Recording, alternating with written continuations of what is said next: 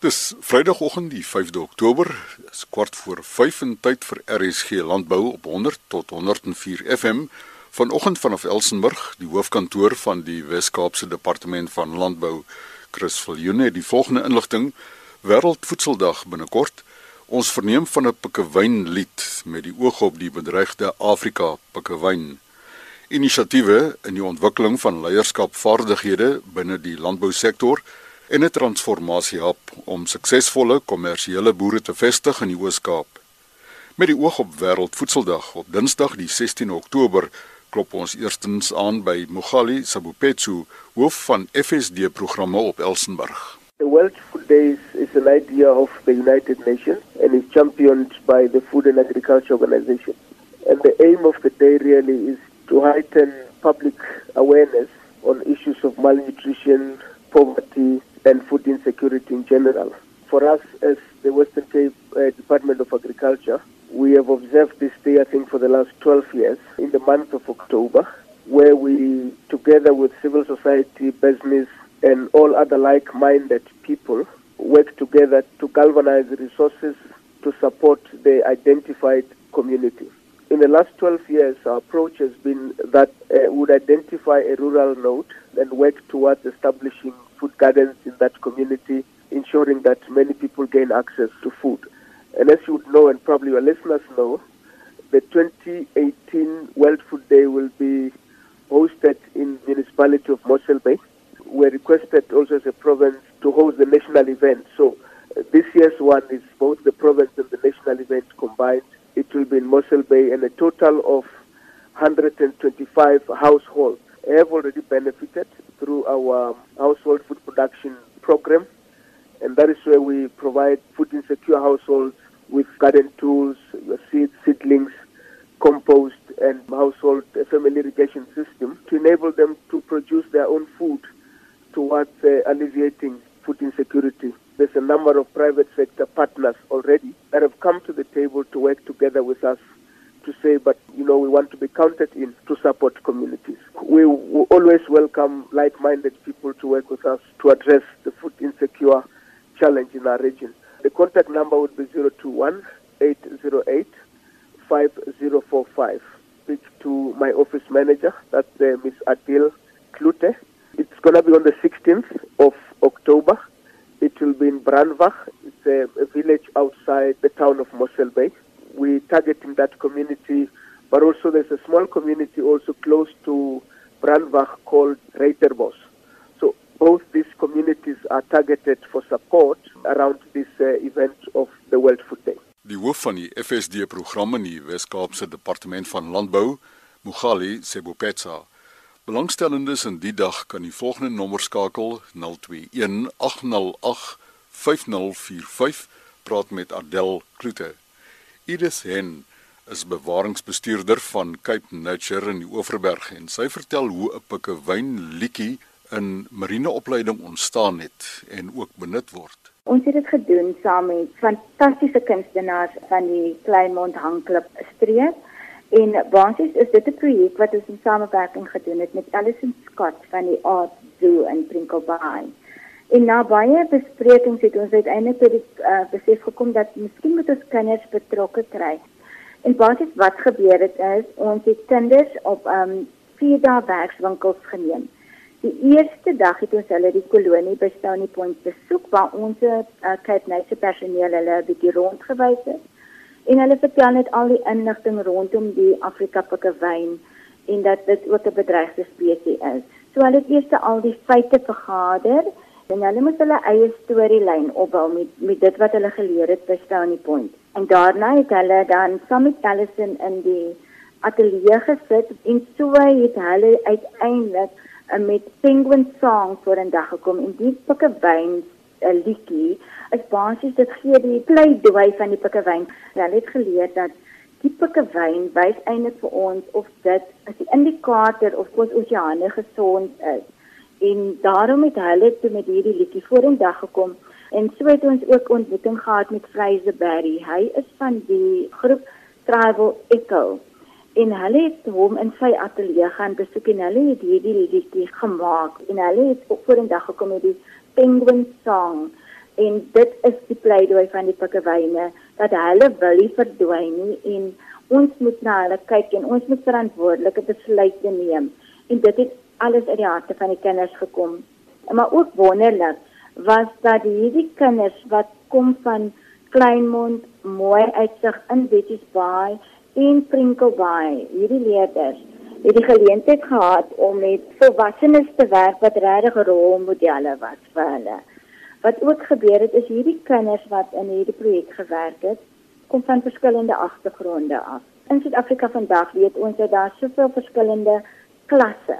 Hulle het letterlik saamgewerk oor kleurgrense heen, oor ekonomiese grense heen. En vir ons is dit baie belangrik dat hierdie hierdie hierdie hierdie penguin song is die oogmerk om te gebruik vir opvoedkundigheid. As er enige iemand is wat meer inligting wil hê, kan hulle my kontak op 082 743 9920 of e-pos stuur by e h e n n @capenature.co.za. Die bewaringsbestuurder van Cape Nature in die Oeverberg, Edith Hen, haar selfoonnommer 082 743 0920. Inisiatiewe van die fakulteit Agriwetenskappe aan die Universiteit van Stellenbosch in die ontwikkeling van leierskapvaardighede in die landbousektor. Die dekaan van die fakulteit, professor Dani Brink. Agri SA het ons so 'n paar maande terug genader met 'n versoek om 'n leierskapsopleidingsprogram vir middel tot senior vlak landbouleiers in die sektor aan te bied, ook vir note by die oefening betrek en ons het tydens die maande van Julie in September twee baie suksesvolle sessies gehad met uh, nagenoeg 22 landbouleiers uit die lopende sektore en 'n baie mooi geografiese verspreiding en baie suksesvolle terugvoering gekry. Weet die die konteks van vandag met al die kompleksiteite van besluitneming en strategiese oorwegings wat ons landbouleiers letterlik op 'n daaglikse basis moet neem wat gaan oor markfaktore, omgewingsfaktore, tegnologiese aspekte om nie eers te praat van politieke leierskap nie. Dink ek is dit van toenemende belang nie net in ons landbou besighede nie, maar ook in ons eh, georganiseerde landboukomponent om leierskapsontwikkeling te doen. Hierdie het ook vir die universiteit 'n ongelooflike geleentheid gebied om met opkomende landbouleiers letterlik in 'n een tot een verhouding te ontwikkel, gesprekke te tree, weer eens om nie te besef wat die uitdagings en die kwessies van die dag daar buite is en vir ons om as 'n instelling ook daarop te kon reageer. En ons is reeds in die beplanning van 'n volgende opvolggeleentheid in in samewerking met Agri SA en persone wat sou belangstel om daaraan deel te neem is welkom om voorlopig met ons kantoor hier by Agriwetenskappe by Stellenbosch Universiteit in verbinding te tree en ons sal hulle dan weer toevoeg op daai database en seker maak hulle word in kennis gestel daarvan wanneer die geleentheid nou gefinaliseer is. Maar net so het ons ook hier op die kampus gekyk en het ons ook met so leierskapsontwikkelingsinisiatief gewerk wat ons mense oor 'n baie breë spektrum betrek het. Mense is dikwels onder die indruk dat leierskap is altyd die verantwoordelikheid van die persoon wat op een bestuursvlak bokant jouself is. Ons het juist mense betrek oor die volle spektrum van operasionele en bestuursvakke om nie net te kyk na die vaardighede nie, maar ook na die verstaan, jy weet, van leierskap, die feit dat elke persoon in sy eie reg op sy vlak en binne die organisatoriese en selfs industriële bestel 'n bydrae het om te lewer en 'n rol het om te speel, ook om te leer hoe om te weet wanneer om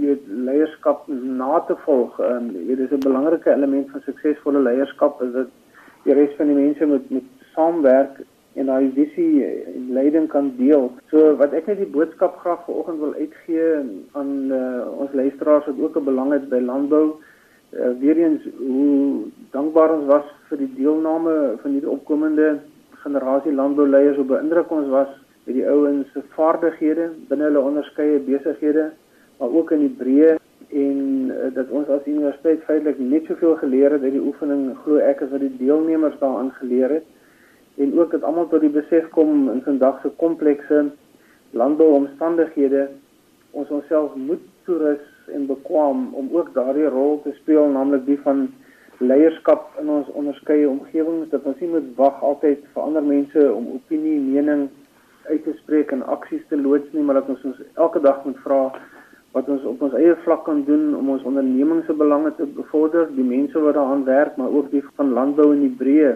En ek dink ons is bevoorreg om in Suid-Afrika met hierdie kaliber van landbouleiers te kan werk op alle fronte. Professor Dani Brink is die dekaan van die fakulteit Agriwetenskappe aan die Universiteit van Stellenbosch en belangstellendes wat die opvolggeleentheid in samewerking met Agri SA wil bywoon is baie welkom om met professor Brink se kantoor in verbinding te tree. Sy sekretaresse se kantoornommer 021 808 4737 021 808 4737 Die president van Agri Ooskaap, Dak Stern, gesels vervolgens oor 'n transformasiehub met die oog op die vestiging van nuwe boere. Ek wil graag melding maak van die goeie reëns wat ons in die Ooskaap onlangs geval het, spesifiek in die droë westelike streke. Op hierdie stadium kan ons nog nie aanvaar dat die droogte gebreek is nie. Ons sal nog goeie opvolgreëns moet kry voordat ons eers dit kan uh, dink om te sê. Uh, en nog 'n streek wat ons oor verheug is, is die boere wat afhanklik is van die besproeiingswater en uh, wat uit die Kouga dam kom wat onlangs net 6% van sy kapasiteit water gehad het.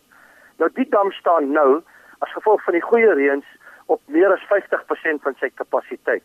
En dit sal groot verligting bring vir ons boere van die Gamtoos besproeiings skema. Ek wil praat Chris oor um, ons voorgestelde transformasiepogings hier in die Oos-Kaap. Nou daar is geen twyfel dat ons land heidaglik polities gefragmenteer is. Ons moet aanvaar Eh, dat die regering nie in staat is of die vermoë of die politieke wil het om die hele grondkwessie te kan uitsorteer nie. Wat hulle beslis ook nie oor die afgelope 24 jaar kon doen nie. In ander woorde, daar het niks verander nie.